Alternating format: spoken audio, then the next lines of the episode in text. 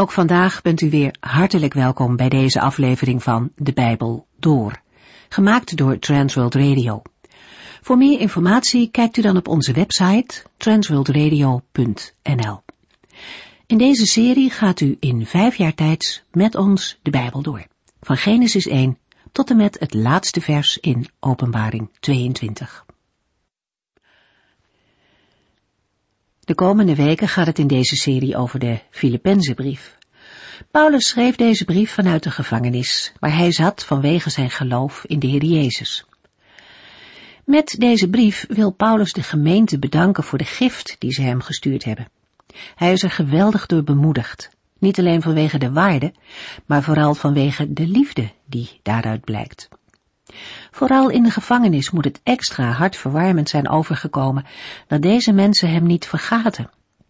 Het is overigens niet de eerste keer dat deze gemeente Paulus iets geeft. Al meerdere keren heeft hij iets van hen ontvangen. In Handelingen staat beschreven hoe Paulus voor het eerst in Filippi kwam. Hij was onderweg, bezig met zijn tweede zendingsreis. Verschillende plannen om het evangelie te vertellen lukten echter niet. Totdat hij een visioen kreeg, waarin een man uit Macedonië hem dringend vroeg naar hen toe te komen. Paulus en zijn medewerkers reisden meteen af in de wetenschap dat de Heilige Geest hen zou leiden. En ze arriveerden in Filippi. En de brief die Paulus nu aan hen schrijft is er een vol blijdschap en bemoediging. Het feit dat Paulus niet vrij is om te doen wat hij graag zou willen, ontmoedigt hem niet. Hij verblijdt zich in de Here en gebruikt de mogelijkheden die hij wel heeft, namelijk het schrijven. En dat gebruikt hij juist om meer over de Here te vertellen. Juist in deze brief geeft hij mooie beschrijvingen van Christus.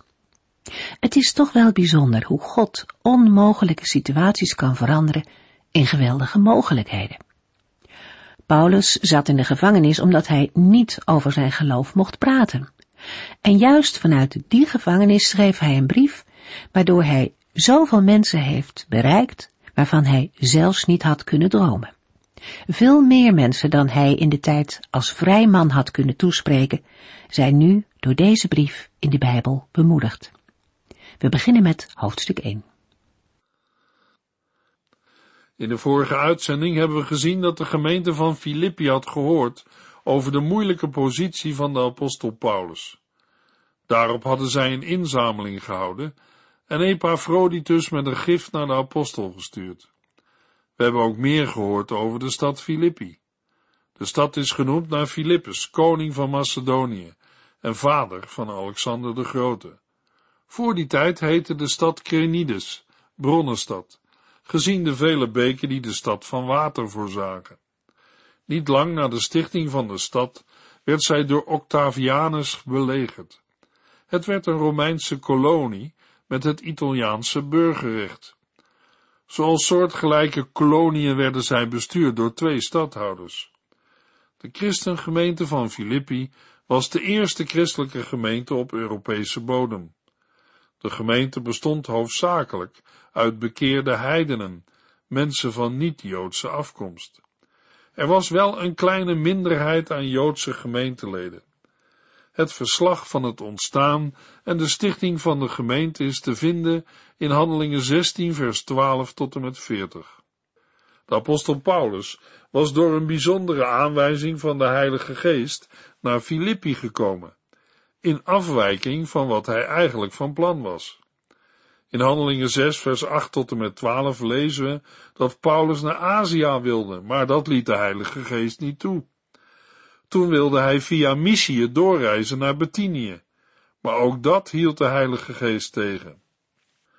Bij zijn aankomst in Filippi ging Paulus naar zijn gewoonte, het eerst naar de Joden, die wegens hun geringe aantal geen synagoge hadden, en gebedssamenkomsten hielden op een rivieroever. De eerste die tot geloof kwam, was de purperverkoopster Lydia uit Klein-Azië. Haar huis werd een ontmoetingsplaats voor zendingswerkers. Kort daarop ontstond er een conflict met de plaatselijke autoriteiten. Paulus en Silas werden aangeklaagd en moesten geesteling en gevangenschap verduren. Daarvan was de vrucht, de bekering van een gevangenbewaarder en zijn familie. Na uit de gevangenis te zijn bevrijd, trokken de zendelingen verder en lieten een jonge gemeente achter. Later op een tweede zendingsreis bezocht Paulus de stad voor een tweede keer. De betrekkingen tussen hem en de gemeente waren bijzonder hartelijk. Overal begeleiden de gelovigen uit Filippi de apostel met hun warme belangstelling en de royale bewijzen van hun liefde. En Paulus, die meestal zorgvuldig over zijn zelfstandigheid waakte, aarzelde niet om in dit geval, wegens de goede vertrouwensrelatie met de gemeente van Filippi, hun financiële bijdragen te accepteren. Waarschijnlijk zijn het ook de Filippenzen geweest, die zijn kosten van levensonderhoud in Rome voor hun rekening hebben genomen. De aanhef in vers 1 geeft aan dat Paulus ook Timotheus erbij betrekt. We lazen in Filippenzen 1 vers 1 van Paulus en Timotheus, dienaren van Christus Jezus, aan alle gelovigen in de stad Filippi en hun leiders en diakenen. Dat ook Timotheus wordt genoemd, komt ook doordat Timotheus bij het ontstaan van de gemeente en ook daarna bij de opbouw was betrokken. Paulus en Timotheus waren dienaren van Christus, in alles aan zijn wil gebonden. Juist het begin aan alle gelovigen typeert de goede verhouding van de apostel met de hele gemeente. Voor gelovigen staat in het Grieks heiligen. De gelovigen heten zo omdat zij door Christus verlossende genade van de wereld zijn afgezonderd en aan de Here zijn toegewijd. Het woord heilig betekent ook afgezonderd of apart gezet. De heiland bidt in Johannes 17 vers 14 tot en met 20 Ik heb hun doorgegeven wat u verteld hebt. De wereld haat hen, omdat zij, net als ik, niet bij de wereld horen. Ik vraag u niet hen uit de wereld weg te nemen, maar hen te beschermen tegen de duivel. Zij horen net zo min bij de wereld als ik. Maak hen zuiver en heilig door hen te onderwijzen in uw woord van waarheid. Ik stuur hen de wereld in, zoals u mij de wereld hebt ingestuurd. Ik wijd mijn leven aan hen, om hen door de waarheid aan u te wijden. Wat ik u vraag, is niet alleen voor hen. Het is ook voor de mensen die door hen in mij zullen gaan geloven. Een gelovige is in Christus Jezus. Als een mens door Christus wordt gered, dan betekent het dat hij of zij in Christus Jezus is. Als iemand zijn of haar vertrouwen in de Heer Jezus stelt, komt de Heilige Geest in hem of haar wonen. De Heilige Geest lijft een gelovige in, in het lichaam van Christus, zijn gemeente. Met de woorden en hun leiders en diakenen richt Paulus zich in zijn brief zowel tot de plaatselijke gemeente als ook tot de leiders. In de Griekse tekst worden opzieners en dienaars of diakenen genoemd. Een opziener is een herder. Wij zouden vandaag zeggen een ouderling of dominee. Een andere aanduiding voor dominee kan zijn herder en leraar. Aan de andere kant is een predikant ook ouderling, maar dan met een bijzondere opdracht. Een leider moet in de christelijke gemeente geestelijk volwassen zijn en recht in de leer. In het Bijbelboek Handelingen komen we de woorden leiders of ouderlingen en oudsten regelmatig tegen. Handelingen 20 vers 28 Pas goed op uzelf en op de kudde waarover de Heilige Geest u het toezicht heeft gegeven. Leef als herder voor de gemeente van God, die hij door het bloed van zijn eigen zoon heeft verkregen. Een diaken verwijst naar iemand die een bijzondere taak in de gemeente mag vervullen. Het woord is afgeleid van het Griekse woord diakonos, dat diaken of dienaar betekent. Dienaar en dienst hebben in het Nieuwe Testament vaak een bredere betekenis dan wat wij met diaconaal werk aanduiden. Naast het element van het praktisch dienen en helpen, valt er bijvoorbeeld ook de evangelieprediking onder. Dat de diakenen naast de leiders worden genoemd, doet denken aan een taak of ambt voor de materiële verzorging van behoeftige leden in de christelijke gemeente. Filippenzen 1 vers 2 Wij wensen u de genade en vrede toe van God, onze Vader, en van de Heer Jezus Christus. Gewoonlijk begon in de oudheid iedere brief met het achtereenvolgens noemen van de afzender, de ontvanger en een groet. Paulus neemt in al zijn brieven deze opbouw over en verandert de inhoud in christelijke zin. Genade doet nog denken aan het Griekse groeten, maar heeft een diepere christelijke inhoud. Het ziet niet alleen op de gunstige gezindheid van de Heere tegenover zijn volk, maar ook op het heil in Christus dat aan de gelovigen wordt geschonken. In Israël wenste men elkaar shalom, vrede toe. Dat betekent niet alleen de afwezigheid van oorlog, maar ook maatschappelijk welzijn en herstel van de verhoudingen tussen God en mensen. Genade en vrede zijn ook wezenlijke elementen in de priestelijke zegen uit nummer 6, die dagelijks over het volk Israël werd uitgesproken. In nummer 6 vers 24 tot en met 26 lezen we, de Heere geef u zijn zegen en bescherming. De Heere geef u zijn nabijheid en inzicht. De Heere geef u zijn genade. Laat de Heere zijn oog op u gericht houden en u vrede, shalom, geven. In alle brieven van de apostel Paulus vinden we de zegenwens als groet aan de gelovigen. Het was in die dagen een veel gebruikte uitdrukking. Genade is de gunstige gezindheid van God tegenover zondaars. Het is de bron van al het heil wat de Heere in Christus aan een mens wil schenken. Paulus schrijft in Romeinen 1 vers 7 aan gelovigen, Het is mijn diepe verlangen dat u de genade en vrede van God, onze Vader, en van de Heer Jezus Christus zult ervaren. Het is een centraal begrip in de prediking van de apostel Paulus. Over vrede wordt in Efeziërs 2 vers 14 gezegd, want hij zelf is onze vrede. Hij heeft u en ons tot één volk gemaakt door de muur van vijandschap die tussen ons, Joden en niet-Joden, instond, af te breken. In het Nieuwe Testament houdt vrede in vrede met God, met je naaste en met jezelf. Aan gelovigen en volgelingen van de Heer Jezus wordt ook de opdracht gegeven: breng vrede in elk huis dat je binnengaat. Deze vrede is de vrucht van de verzoening met God door Jezus Christus. God de Vader is de bron. Door Jezus Christus komen deze weldaden de gelovigen toe.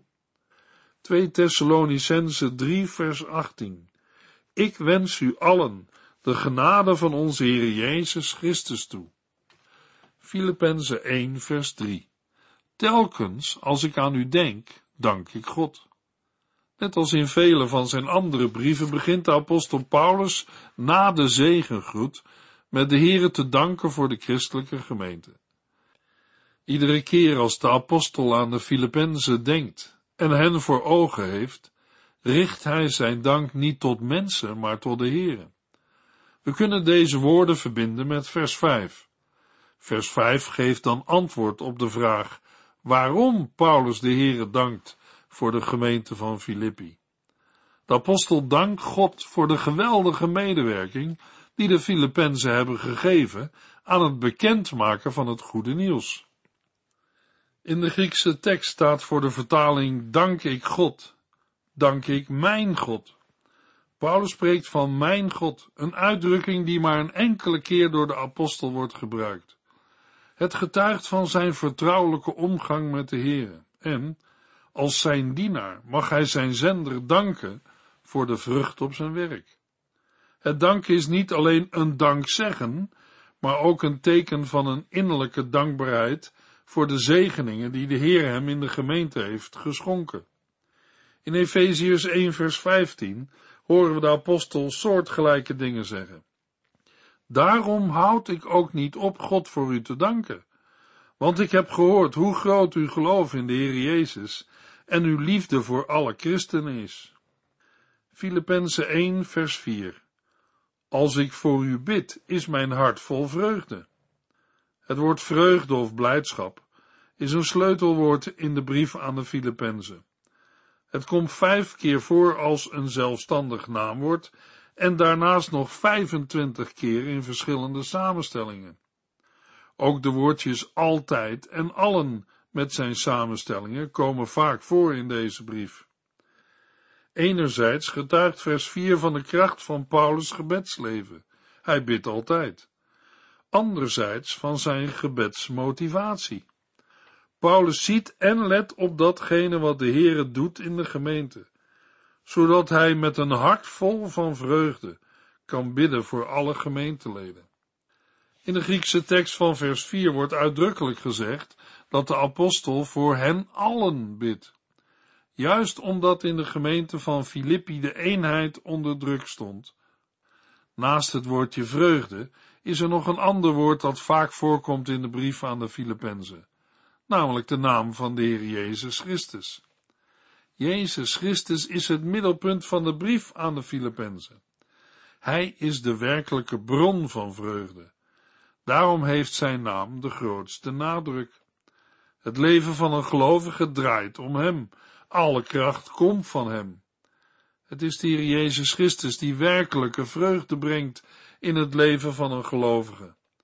Voor Paulus is bidden geen beproeving, maar iets dat hij niet wil missen. Ook in de omstandigheden waarin hij toen verkeerde. Paulus zat in de gevangenis.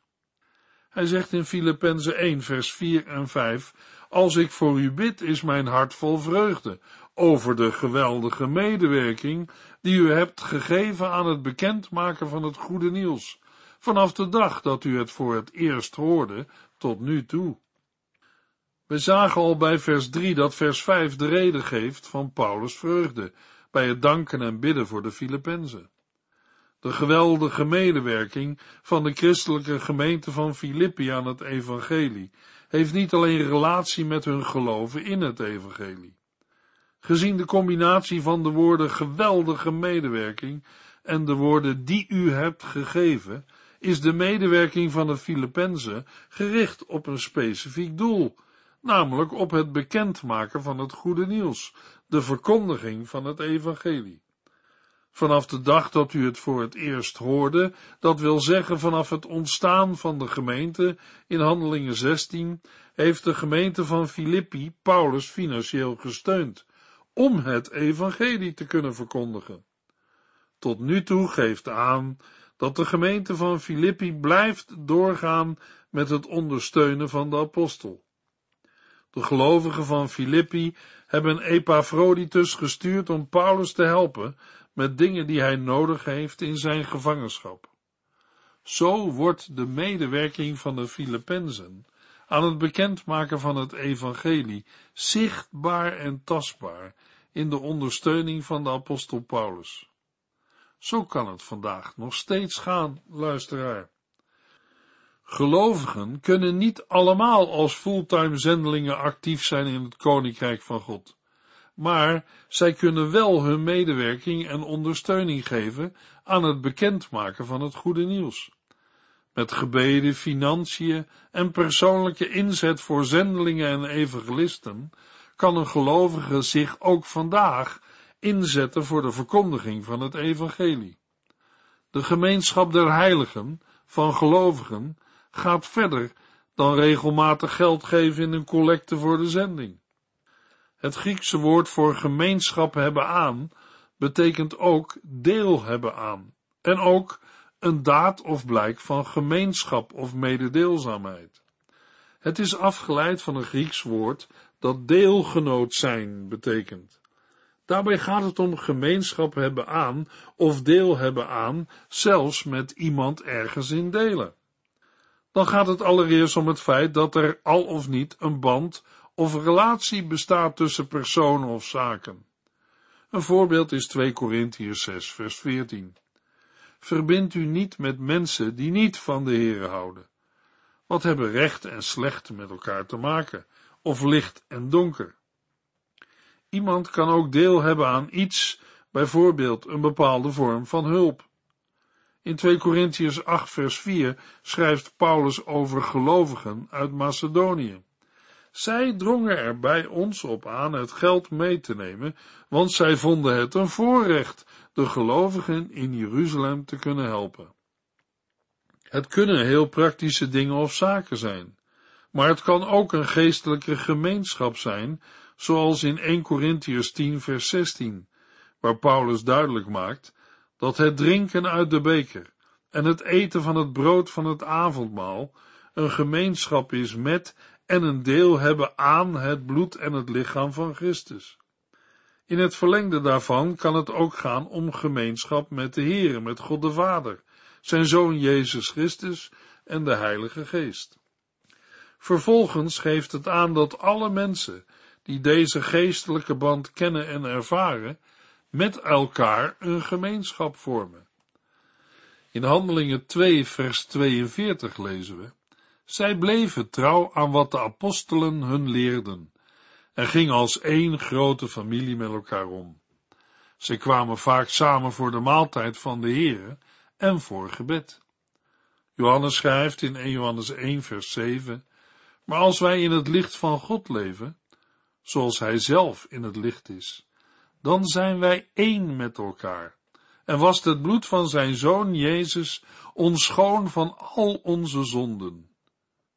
Zo kan het woord medewerking ook een daad of blijk van gemeenschap inhouden. Zoals in Romeinen 15 vers 26 waar we lezen, want het leek de Griekse gelovigen goed iets voor een arme geloofsgenoten in Jeruzalem te doen. In Romeinen 15 gaat het om een daad van medeleven in de vorm van een collecte ten behoeve van de arme geloofsgenoten in Jeruzalem. Zo wordt in Hebreeën 13 vers 16 goed zijn voor anderen, naaste liefde, en delen van je bezit met behoeftigen, in één adem genoemd met het brengen van offers die God waardeert. Mededeelzaamheid die bemoedigt en ondersteunt en tot eer van de Heer is. Zoals Paulus het schrijft in 2 Corinthiërs 9 vers 13 tot en met 15. De gelovigen van Jeruzalem zullen niet alleen blij zijn dat u hen en anderen zo geweldig helpt, maar ook God de eer geven, omdat uw daden bewijzen dat het goede nieuws van Christus dit allemaal in u heeft bewerkt. Zij zullen vurig voor u bidden en naar u verlangen, omdat zij de onbegrensde genade van God in u herkennen. Dank God voor zijn zoon die hij heeft gegeven. Dat is zo geweldig dat er geen woorden voor zijn.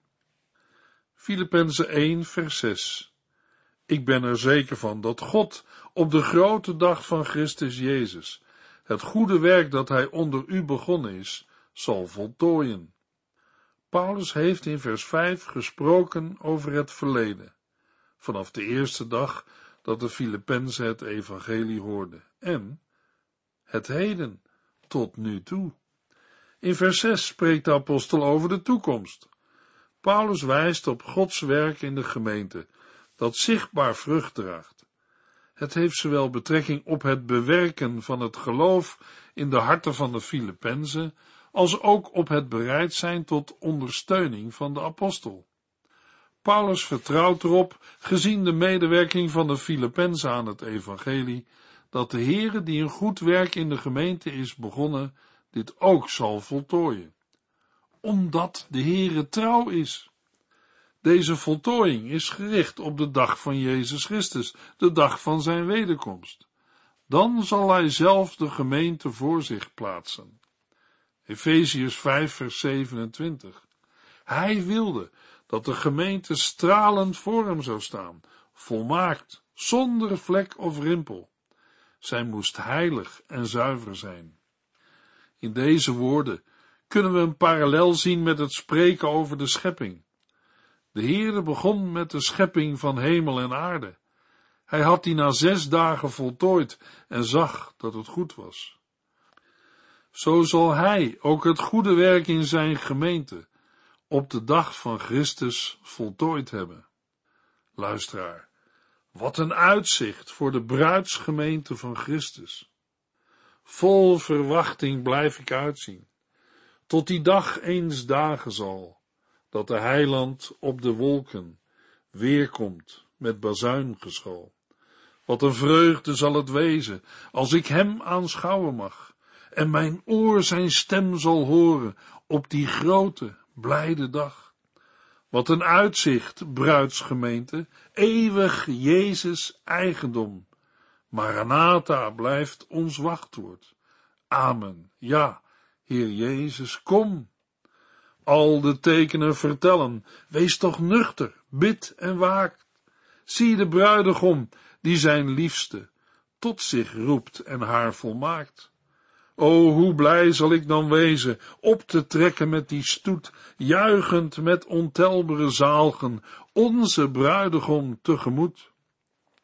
Wat een uitzicht, bruidsgemeente, eeuwig Jezus eigendom. Maranatha blijft ons wachtwoord. Amen, ja, Heer Jezus, kom. O, soms voel ik een sterk verlangen, heimwee in mijn hart ontstaan. Vraag mij af dan, dierbare heiland, bent u al op weg gegaan? Nee, het zal niet lang meer duren. Hij verlangt nog meer dan wij. Maranatha blijft het wachtwoord voor een elk, maar ook voor mij. Wat een uitzicht, bruidsgemeente, eeuwig Jezus eigendom. Maranatha blijft ons wachtwoord. Amen. Ja, Heer Jezus, kom. Ja, vol verwachting blijf ik uitzien, tot die dag eens dagen zal, dat de heiland op de wolken weerkomt met bazuingeschal. Wat een vreugde zal het wezen, als ik hem aanschouwen mag en mijn oren zijn stem zal horen op die grote blijde dag. Wat een uitzicht, bruidsgemeente, eeuwig Jezus eigendom. Maranatha blijft ons wachtwoord. Amen. Ja, Heer Jezus, kom. U heeft geluisterd naar De Bijbel door. In het Nederlands vertaald en bewerkt door Transworld Radio. Een programma waarin we in vijf jaar tijd de hele Bijbel doorgaan. Als u wilt reageren op deze uitzending of u heeft vragen, dan kunt u contact met ons opnemen. Tijdens kantooruren kunt u bellen op 0342 47 8432. 0342 47 8432. Ook kunt u een e-mail sturen naar de Bijbel at transworldradio.nl en natuurlijk kunt u ook via de post ons bereiken. TWR, postbus 371, postcode 3770, AJ in Barneveld. Dit programma werd gepresenteerd door Cor Weda en Ike André. Techniek was in handen van Odin van Voerkom. En wij allemaal bedanken u voor het luisteren.